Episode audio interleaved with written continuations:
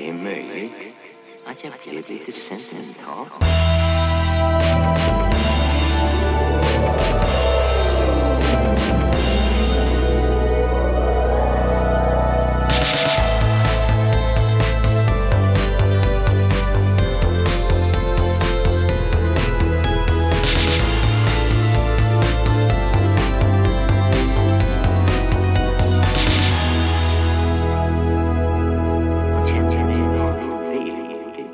Men han var också, han åkte till Tyskland och blev typ så jätteinspirerad av så här medeltidsromantiken och så här ungrenässansen. Eh, typ så här 1300-1400-tal. Eh, och det tycker jag verkligen man ser eh, typ i hans eh, målningar. Men finns det lite så här prerafaelitiska drag i dem? Det var ju ungefär samtidigt och de var ju också ute efter det här medeltida. Ja, ja men precis. Det Men det är ju verkligen inte så konstnärer som, i alla fall inte jag, alltså kopplar ihop liksom. Men Nej, men för att han, han har ju, alltså i och med att han har de här sagomotiven så är det ju också väldigt mycket ja, men så här, prinsar och prinsessor. Eh, och man kan ju verkligen se också på typ deras dräkter och så att han är väldigt inspirerad av eh, alltså medeltiden och typ renässansen. Och så om man bara kollar på typ kläderna och sådär. mm. Ehm, men eh, så börjar han då göra sagoillustrationer eh, och får typ jättemycket uppdrag från Bonnier. Ehm, men sen så får han också i uppdrag att eh, typ illustrera någon så stor bok om samerna eh, typ i början av 1900-talet för det var väldigt så poppis att typ exploatera samerna. Ja, och ställa ut dem på Skansen. ja, Gud, gud vad man känner, gud vad man känner liksom, bara när man hör om det, att, att det antagligen var liksom halvproblematiskt. Ja, ja men verkligen. Eh, men han är där och typ målar och det är också där han får liksom inspiration till de här liksom nordiska eh, urskogarna eh, som han också liksom fortsätter måla kan man väl säga i de här troll, trollbilderna. Och han gifter sig med en kvinna som heter Ester Elkvist eh, och hon var ju självklart också en jättebra konstnärinna som ingen vet vem det är. och det, det problematiseras inte alls i den här boken heller. Eller så här, det känns som att om man skulle läsa en biografi idag så hade det säkert varit så här, den bortglömda Ester. Ja men precis, den hade handlat om henne istället. Ja, men precis. Men det, det gör den verkligen inte. Eh, men sen så ska jag bara eh, läsa upp ett jätteroligt citat eh, som handlar om John Bo- Bauers karaktär. Eh, och då här är det då, nu ska vi se. Ehm, eh, ja, han eh, målar då ett självporträtt. Eh, då står det så här. Den stora böjda näsan är han särskilt stolt över och den präglar alla dessa tillfällighetsporträtt i profil eller halvprofil. Författaren Ove Ekelund beskriver John Bauers profil. Bauer hade en ganska stor aristokratisk krumböjd och faktiskt ganska vacker näsa. Det bruna håret var smålockigt och i mungipan dinglade en liten brun pipa som tycktes ha bitit sig fast där för all framtid. Han såg riktigt bra ut när han satte den sidan, det vill säga profilen, till. John Bauers näsa hade jag emellertid svårt att förlika mig med. Jag tyckte att han demonstrerade den lite för medvetet. Det verkade koketteri. Jag tycker, har man en vacker näsa så tycker jag verkligen man ska visa den. Ja. John Bauer har inte gjort något fel. Nej, det tycker inte jag heller. Och det, ja, jag kan lägga upp bild på det självporträttet. Jag tycker också det är vä- väldigt snyggt. Ehm, men sen så då typ 1907 så blir han liksom anställd att eh, måla för de här Bland tomtar och troll som liksom jag tänker att de flest- flesta förknippar honom med. Men är det liksom, är det en bokserie eller? Precis, den gavs ut under eh, ganska många år. Och eh, det här var ju liksom när, då kring sekelskiftet som man började så här lyfta upp sagan väldigt mycket. Och eh, det fanns en stor kritik mot att så här, barnlitteratur var alldeles för riktat mot så här, över och medelklassbarn. Eh, och då var det liksom massa så här för, eh, folkskollärare som liksom tog sig an att typ så här lyfta upp folksagan istället. Eh, för att man tyckte att så här, där kan man hitta en mer typ så här gemensam, eh, vad ska man säga, men, kultur för liksom alla barn. Eh, och så här, alltså det var mycket eh, ja, men natur och liksom lite så nationalromantik helt enkelt. Ja men precis, för det är verkligen i den tiden som liksom alltså nationen Sverige verkligen ska liksom Precis. eh, visas i bild och i ord och liksom verkligen så här, ja, men, skapa ett, en tydlig identitet och så. Så Precis. han måste ha varit väldigt viktig i det. Ja, eh, och jag tycker det var kul för att Ellen Key kom ju självklart in här också. Hon var en av dem som tyckte att så här, gissar, hon älskar folksagor. Ja, men hon tyckte också att ja, men så här, svenska läroböcker var typ kass. och det var liksom som en reaktion på typ en artikel hon skrev om det här i ord och bild som någon av de här typ eh, folkskollärarna så här, eh, tog, fick tummen ur och typ så här, började starta någon sån eh, eh, tidskrift med barnsagor som hette typ Jultomten tror jag. Eh, och eh, ja, det var ju samma tid som Selma Lagerlöf eh, skrev, skrev Nils Holgersson också.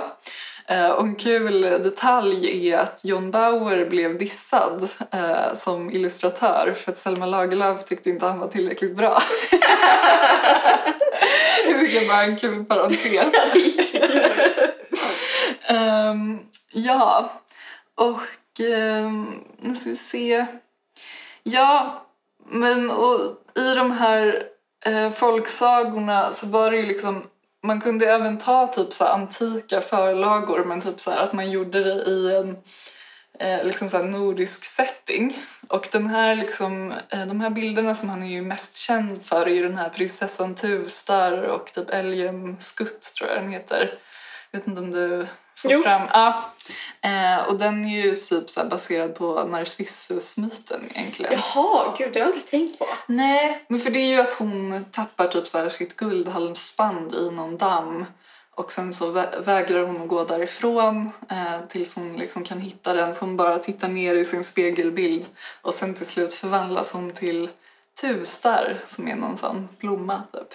Ja, Ja, men med det... lätt som trillade ner. Ja, precis. Eh, så det var ju liksom eh, att man, man kunde hämta lite från varstans men ändå göra det liksom så nordiskt på något sätt. Ehm, men, och alltså de här Tomtar och troll blir, eller den bokserien blir superpopulär. Men sen är det typ något år då han så inte medverkar och det är någon norsk konstnär som heter typ Louise Moe eh, som gör dem istället och då så här rasar försäljningen. och sen nästa år så är John Bauer med igen eh, och då, då går det superbra. Man kan tänka sig att om det hade varit nu så hade det varit typ så här en folkstorm på Facebook av stilen när Aladdin byter ut trillingnäten. Ja men exakt, exakt. Ehm, och alltså hans illustrationer blir så populära så att eh, alltså han är typ inte nöjd med sagorna eh, som han ska illustrera. så de börjar liksom så välja sagorna utifrån hans motiv. Så det var liksom så, alltså hur så här inflytelserik han var. Ehm, så att det var liksom, ja. Ehm, Ja, och eh, men sen så det så knaka lite i fogarna i hans äktenskap då med den här Ester.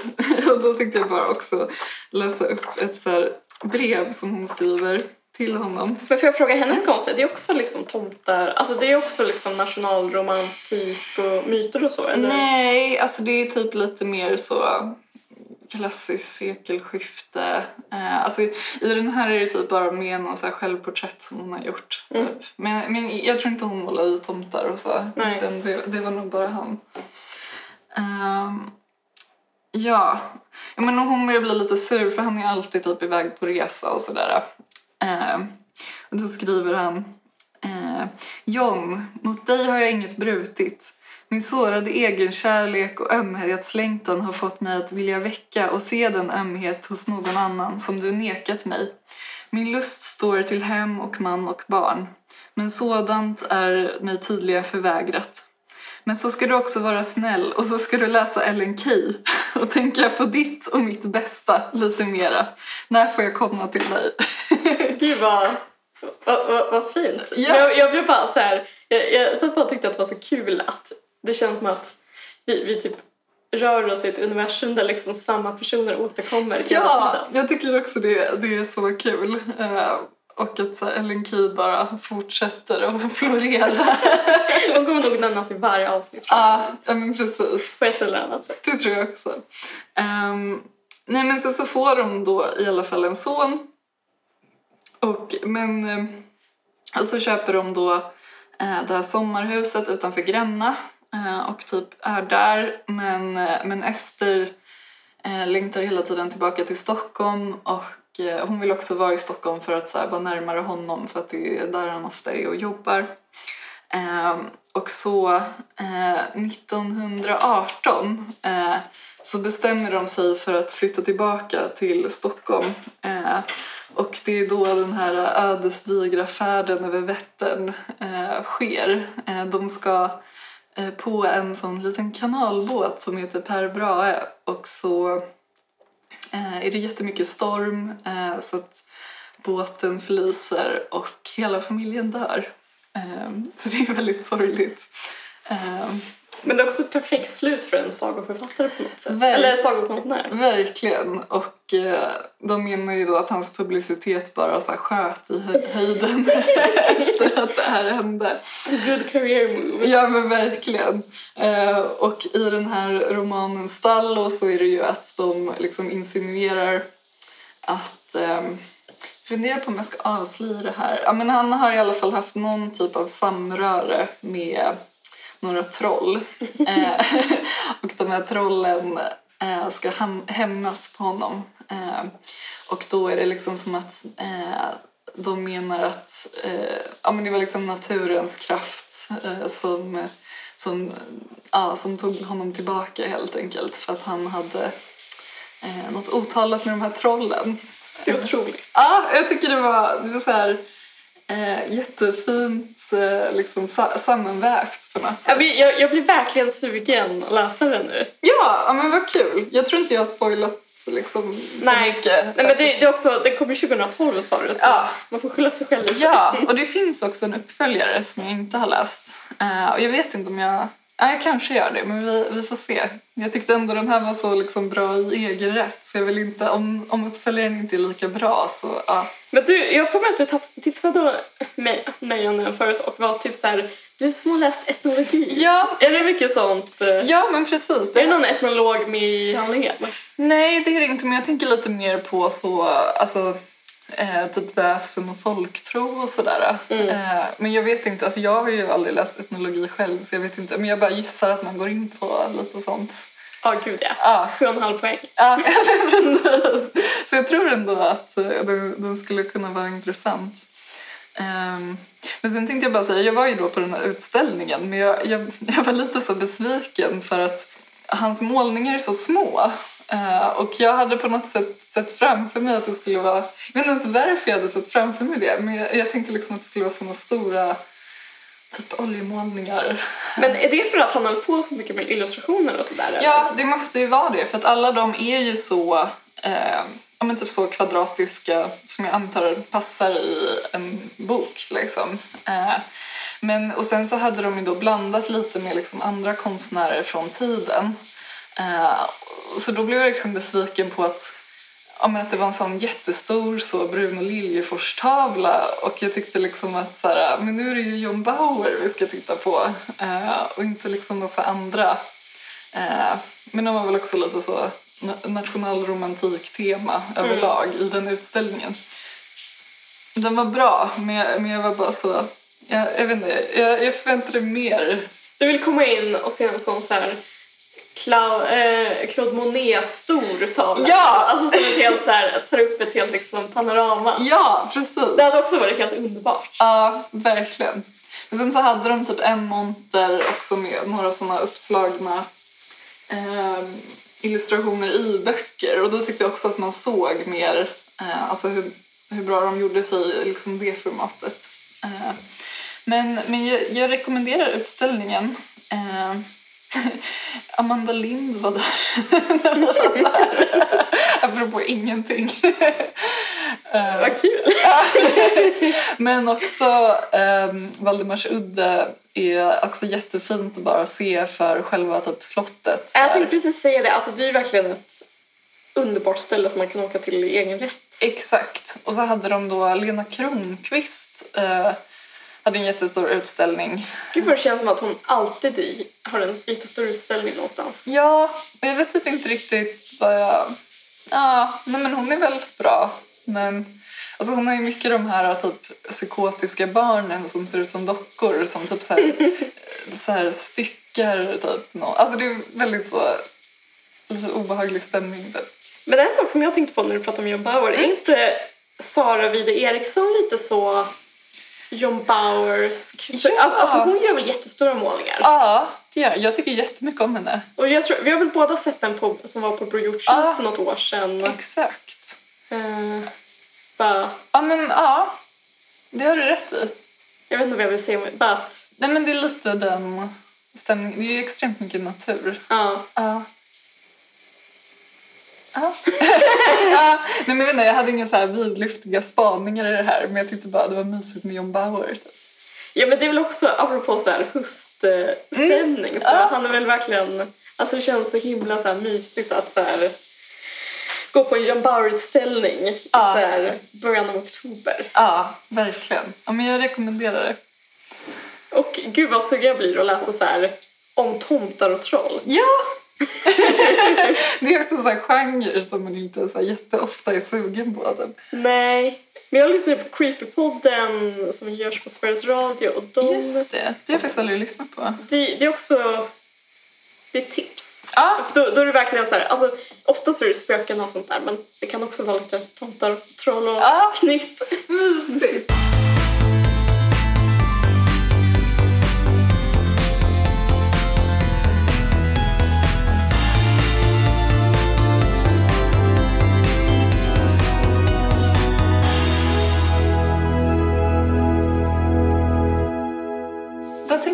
Prata om, Moa?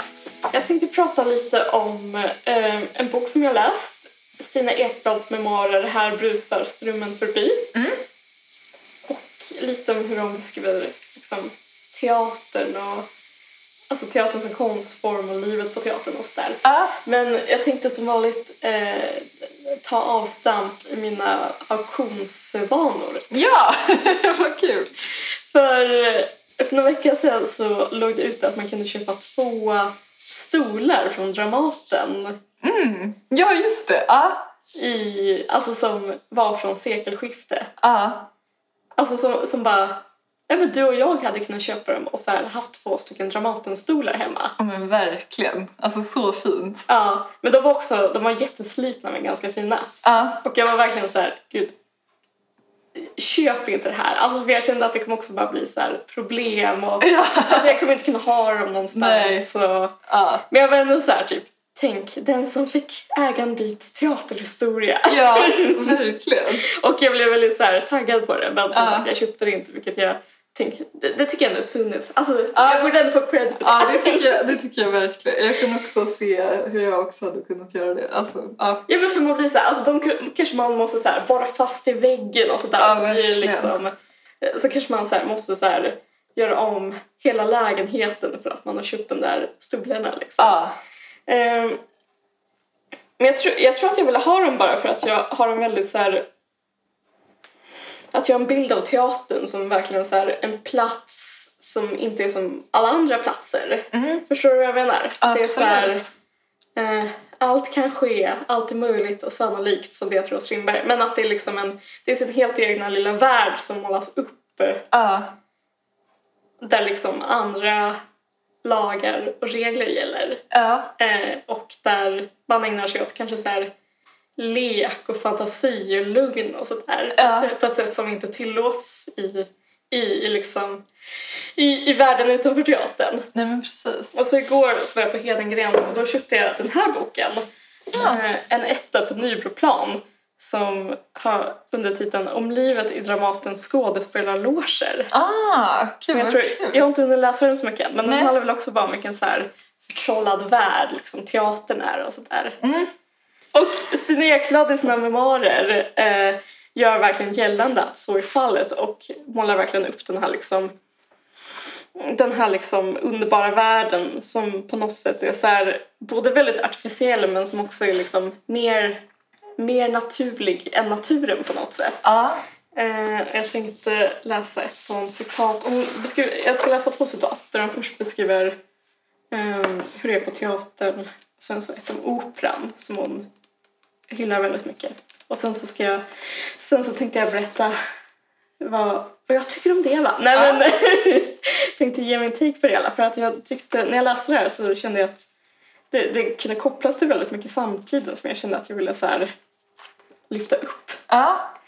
Får jag bara säga, den här kom ju ut precis nu typ. Ja precis. Så det är kul att vi har en sån aktuell bok. Ja, det hör ju inte till vanligheterna. Nej. Ehm, utan ofta så är det ju böcker från så här 82. Nej men alltså verkligen, alltså, Ja. jag, jag tar nästan aldrig upp aktuella grejer. Nej, eller jag, det känns som jag har haft många så här 2001. Ja, men hon skriver lite om hur det är att spela Shakespeare och sådär. Och det som är så bra med den här boken är att hon är väldigt, hon är väldigt nära till texten och till dikten och sådär. Alltså det känns nästan som att, har du läst Patti Smiths böcker? Ja. Där är det mycket så att hon typ kanske så här citerar Rimbaud och så Ja. är det liksom så här, hon skriver om hur mycket hon älskar den här dikten och sådär. Ja. Det är samma stämning här att hon liksom bara så här tar upp massa dikter som hon älskar och Mm. kanske så här, eller, eller alltså dramatik för den delen och pratar om hur hon har tolkat det och Mm. eh, det, det känns på något sätt som att man förstår vad det är att vara skådis, alltså skådespelare för att man blir så här, alltså det är väl på något sätt att vara nära texten. Ja. Det var väldigt, men det är också, det är också vad litteraturvetare gör. Ja. Så det kändes som att det fanns ett släktskap där. Ja. Men då skriver hon om vikten av att vara teatralisk. Okej. Och det är liksom ett, det är ett ord som man använder som skällsord ganska ofta. Men här, här förklarar hon varför man måste vara teatralisk. Okej. Och särskilt på teatern. Ja. Eh, hon skriver, man bör ha tillit till det teatraliska uttrycket.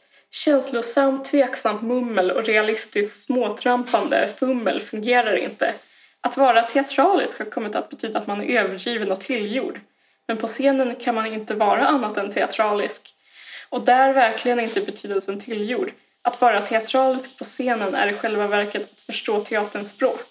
Jag översätter min naturliga naturlighet till teaterns onaturliga naturlighet. Man kan se att jag skapar natur, vilket är en konst som kräver kunskap och arbete. Och jag tyckte bara så här, jag tyckte bara att det var en sån, det känns som att det verkligen ja, men, ringar in vad typ alltså, teatern är. Verkligen. Och, och det är också därför jag älskar teatern liksom. Ja. Och eh, det känns som att det här framträder även när hon beskriver varför hon älskar opera. Okej. Ja. Eh, operan är nästan teater, fast bättre. På operan gäller särskilda regler. Det är fullständigt omöjligt att vara naturlig på en operascen.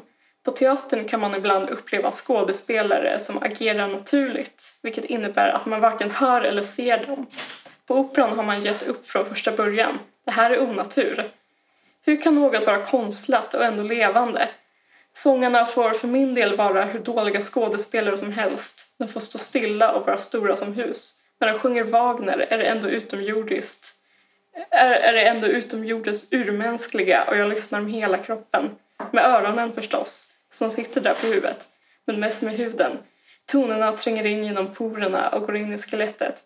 Hjärtverksamheten, tårkanalerna och svettproduktionen aktiveras trots att jag sitter stilla. Ibland känner jag mig som ett djur inför musiken. Eller som en flodd varelse, utsatt. Oh men gud. Det är så fint. Det är jättefint. Och ja, men jag tycker att det ringar in, alltså, särskilt operan då, men även liksom teatern och hur liksom teatern ska vara. Ja. Ehm, och jag blir väldigt så här, alltså längtar tillbaka till teatern när jag läser allt det här. Eh, det är väl kanske inte en slump att man läser det här just nu när alla teatrar tror jag, är stängda mer eller mindre. Även om det har börjat öppnas upp lite. Ja. Eh, och så här, ja men du vet, längtar. Eh, men till saken hör att eh, teatrarna är stängda och det har ju varit en stor kulturdebatt om huruvida de ska liksom, alltså hur man ska förhålla sig till det och om det ska öppnas upp och sådär. Ja. Eh, och eh, som du vet så skrev Jonas Gardell en text i Expressen för. En månad sedan kanske. Ja. Där han tyckte att ja, jag kommer, nu kommer jag redogöra för en lite, en lite slafsigt säkert för jag har det bara i huvudet liksom. Ja. Att Amanda Lind borde avgå och att eh, de borde ge tydliga besked om när teatern ska öppna och sådär. Och Ja. eh, alltså, han hade jättemånga rimliga poänger och jag vet inte vad jag tycker. Alltså antagligen så har han säkert rätt. Eh, men det var någonting i hans argumentation som jag tyckte liksom avförsållade teatern Mm. eh, som jag tyckte var liksom problematisk utifrån den här liksom Stina Ekblad-synen på teater. Ja. Och det är att eh, ja, men du, du har hängt med i den debatten lite. ja, lite grann. Ja. Det är många som säger så här ja, det är så konstigt för att restauranger får ju ha öppet eh, de får ju släppa in över 50 personer men så fort någon ställer sig med en gitarr och börjar sjunga då är det som att allting då är det som att allt skulle vara så himla annorlunda. Ja. Alltså nu är jag lite hånfull liksom. Men Det känns som att det har varit liksom eh, teatermänniskornas här, huvudargument för att teatern, eller all musikvärlden för den del, borde liksom öppna upp. Ja. Och jag tycker att det... Alltså på ett sätt så stämmer det. Alltså det är ju konstigt att tänka sig att så här, teater skulle vara så mycket mer smittsamt än liksom en, en stilla middag. För liksom alla som har varit på teater vet ju att det, det är inte jätteofta som det är några liksom helt urartade Nej. föreställningar. Nej. Utan ofta så sitter folk på sina platser Ja. och eh, liksom är högst civiliserade. Ja. Ibland kan folk liksom ta ett glas vin i pausen men Ja. det är sällan liksom som det blir något sånt, Ja. någon kalabalik liksom. Men jag tycker ändå att genom att lyfta fram att teater skulle vara som precis vad som helst an- annat. Alltså som så här, då är det som att man liksom vill ta ifrån teater och annan scenkonst för den delen. Alltså så här, essensen av vad det är och varför vi behöver den. Ja. Intressant. Det, det känns som att man håller på liksom, man kanske vinner man kanske vinner slaget men förlorar kriget Ja. genom att liksom lyfta fram att det är så här, vi är precis som alla andra och det är inget konstigt och bara för att liksom någon står och säger en monolog så är det inte- ingenting som förändras i rummet och sådär och vi Ja. kan ta ansvar för liksom vad som händer och sådär. Ja. Men teatern skulle vara liksom en gränsplats där man liksom inte helt kan förutse vad som kan hända och, Verkligen. eh, så jag tycker liksom... Jag tror man får passa sig lite när man liksom ska lyfta fram i, i coronadebatten liksom, Ja. varför, varför teatern ska öppna eller operan eller vad det kan vara. Liksom. Ja. Eh, för jag tycker liksom, är det någonting vi måste värna om så är det liksom den här liksom magin som finns kring ja, men teatern, operan och så vidare. Ja. Kanske musiken också. Ja, jag håller med. Jag tycker, jag tycker det är intressant. Alltså det tycker jag också säger någonting om typ stämningen på teater. Eller jag har ofta, när jag har sett några dåliga eh, pjäser så har jag liksom funderat på varför det känns... Alltså man, man kan ju konsumera typ jättedåliga filmer och så vidare och så vidare. Eh, men typ om det är en dålig teater så är det liksom så extra typ genant eller jobbigt. Ja, gud ja. Förstår du vad jag menar? Ja, verkligen. Men det är väl för att alla spelar... Alltså, man är ju man är en publik på ett mycket tydligare sätt än vad man är om man ser en film till, till Ja. exempel. Så det är mycket mer alltså, ett grupparbete där även liksom åskådaren... Ja, Men det är väl också, alltså jag tycker ändå... Jag vet att det är lätt att så här, raljera över typ skådespelare, typ hur pompösa de är och hur de tjatar om att så här, det här kan ingen annan göra. Och Ja. sådär. Men jag tycker ändå att man får ge dem att det är inte många andra som kan göra det där. Alltså typ så här, spela kväll efter kväll och liksom ge sin själ och liksom så här, hålla upp ett helt rum med typ 500 personer. Ja, utan att det blir liksom pinsamt. ja men gud ja. Alltså jag skulle aldrig klara det. Nej, inte jag heller. Liksom vi kan podda. ja precis, för att ingen ser oss typ. Men försök liksom ställa upp oss på stora scenen så skulle det bli liksom... Haveri. Ja. Jag Stina Ekblad, det jag tycker så mycket om hennes memoarer, om vi, om vi ska lämna det här med teaterdebatten lite men ändå vara inne ungefär på samma tema. Ja. Det är väl att det är på ett sätt så här, det, det är ett sätt att liksom förtrolla världen och eh, förtrolla liksom så här, den mänskliga erfarenheten och liksom få känna att någonting är lite så här att en, en sten inte bara en sten utan att det, är liksom så här, det kan vara någonting magiskt och upphöjt. Liksom. Ja. Eh, jag tycker, det jag tycker så mycket om hennes bok är att jag känner att hon gör det nästan hela tiden och verkligen så här, hon lyckas beskriva sin barndom i Österbotten på ett väldigt sånt fint sätt som gör att jag så här, jag kan känna igen mig mycket även fast jag inte, alltså jag har aldrig varit i Österbotten. Nej, Eh, jag har aldrig varit med på 60-talet och så vidare. men vad fint. Ehm, och det är mycket så här att hon pratar om, alltså det är lite så här lulligt men att hon pratar om så här, att hon är så här en gammal själ. Och, och att hon så här, och, hon är jätteledsen över att typ så här, hon blir, ofta blir anklagad för att vara så här pretentiös och liksom blir så här, alltså ironiserad kring. Blir hon det? Alltså, hon lyfter fram att när eh, det blev 2000-tal så var det i någon tidning som de skrev en artikel om så här, årtusendets mest så här, onödiga svenskar. Och då lyftes hon fram som så här, Men va? jättehemskt. Gud! Eh, och då blev jag verkligen så här, men gud gumman.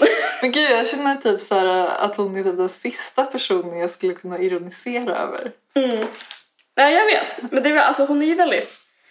Eh, det är väldigt... Alltså, så här, det, det är en väldigt utsatt position att vara så typ så här... Att brinna så för någonting. Som hon brinner för liksom så här, teatern och Ja, texten och Är sådär. det sant? Eh, så... Men hon skriver i alla fall väldigt fint om typ så här, hur hon gick runt och kände så i sin barndom. Jag tänkte bara avsluta med det men så här, bara för att jag tyckte att det var så fint liksom. Mm. Jag ville gärna något annat än de andra. Jag känner mig ibland lite för, för mer och döljer det. Tror du att du är något? Ja, det tror jag. Fast det är en dödssynd att visa det. Jag slingrar in mig själv i en väv av uppblåsthet, självförnekande, skuldkänslor, storhetsvansinne och storhetsförakt som jag än idag har svårt att snärja mig ur. Tidigt visste jag att jag måste lämna min by. Allt var kulisser, för all del hemtrevliga och intressanta ibland, men ändå liksom bara målade på en tunn yta. Jag rörde mig som en docka i dem. Aldrig någonsin drömde jag om bröllop, man och barn och pyssel med ett hem. Möjligen konstnärsfamiljen, gemenskapen bland likasinnade och syskonsjälar. I tonåren på 70-talet glorifierade jag hett kollektivboendet. Tanken på att dela bostad och ekonomi och kanske också en säng med intressanta begåva, begåvade frigjorda hippies förekom mig utopiskt och underbart. Men när jag senare halvhjärtat försökte leva ut den drömmen kraschlandade jag. Jag tyckte mig vara frikopplad. Ett egendomligt väsen snurrade i vinden som ett ensamt frö med stora tunga vinnar. vingar. runt, runt, döende i flykten. Jag ville högre, längre, vidare och, och vildare. Bort mot oändligheten, in mot människans djupaste hemligheter. Ut mot stora vida världen. Jag ville röra vid skönheten, vid smärtan, vid själva världsnerven. Jag kände mig tidigt utanför och fel. Jag var en ovanlig och begåvad skolflicka, men också en självupptagen jänta som blåste upp sitt ego och proppade sig full med laissez-frukte och bågnande fantasier. Det var inte alltid lätt att göra va? Va? Det var inte alltid lätt att vara jag, men för det mesta kände jag mig märkvärdig. Ja. Det tycker jag är så här, jag, vet, jag tycker att det är så här, alltså jag kan känna igen mig i det. Alltså jag också alltid nog tänkt att jag var lite märkvärdig. Men jag tycker Ja. också så här, jag tycker också att det är typ, you go girl. Nej men alltså jag tycker typ att folk borde vara såna. Alltså inte för att jag, alltså jag ska inte vara sån tuntig och bara så här eh, hata jantelagen. Men jag tycker verkligen att folk måste ha som mål att vara så här att, att verkligen försöka liksom fånga något så här utomvärldsligt och försöka liksom så här eh, men verkligen nudda vid liksom de, de höga idealen liksom på ett sätt som nu för tiden nästan bara känns fånigt att prata om. Ja. Men det är verkligen, alltså, det är verkligen så jag känner. Ja, men det, det är kul för att jag menar inte att typ så här jämföra de här personerna men jag, jag, jag läste ju Petra Medes självbiografi eh, och den var väldigt mycket så också. Eh, för det handlar ju också om att hon, eller ja det är ju en biografi så men hon eh, växer upp också i någon sån liten by eh, och typ har redan från start typ så här, jag ska bli världsstjärna. Alltså det är också så här uppfriskande och kul men den är lite mer humoristisk. Jag så. förstår. Men eh, ja, det, det är kul. Jag håller med. Man blir väldigt så you go girl. ja, men, alltså, men man blir verkligen så här Jag kommer att tänka på det där alltså Goethe-livsrådet som Ja. vi pratade om för några veckor sedan. Att man ska så här, typ läsa en bra dikt, se en vacker målning och typ göra en god gärning, lyssna Ja. på bra musik. Alltså det är verkligen så här... Nej, jag vet inte, jag tyckte verkligen att det här var så här, jag kände så här att jag fick så här ännu ett livsråd. Typ. Ja, men Och det verkligen. är man ju inte bortskämd med. Nej, Inte bra i alla fall. nej. Absolut. Ehm, och sen, ja, jag vet inte hur man ska koppla det till teatern. Ja, men alltså, det är väl bara så här, det är väl bara en så här ultimat plats för att liksom utleva de här fantasierna. Om man får lov att göra det inom det liksom begränsade rummet. Och just därför så tycker jag att det är så viktigt att man liksom låter det vara ett så här, alltså låter det vara det liksom sagoslott som det är utan Mm. att prata om så här, ja men det är inget, det, det är inget som händer när en skådespelare kliver upp på scenen. Allt är som vanligt, bla bla bla. Utan Ja. då- det, det tycker jag är destruktivt för liksom, teaterkonsten och konsten och så här, mänsklig utveckling i största allmänhet. Ja, ja men jag, jag håller verkligen med. Och så här, ja men precis. Ehm, bara att eh, gå på teater tycker jag uppfyller alla de här Goethes livsråd. Ja, alltså så här, det är verkligen så att det inte alltid är bra. Alltså, Nej, men- Det känns nästan som på, liksom, för varje teaterföreställning man ser som är bra så går det nästan så här fem usla liksom. Ja, Men men, jag tycker trots det att det är Ja. värt det och att det är så här, man måste fortsätta. ja, men det är ju därför man också fortsätter. Ja, För man vet att liksom den här en av fem gånger kommer vara helt magisk. Ja, Liksom. Och då är liksom, då är allt värt det. Ja men absolut.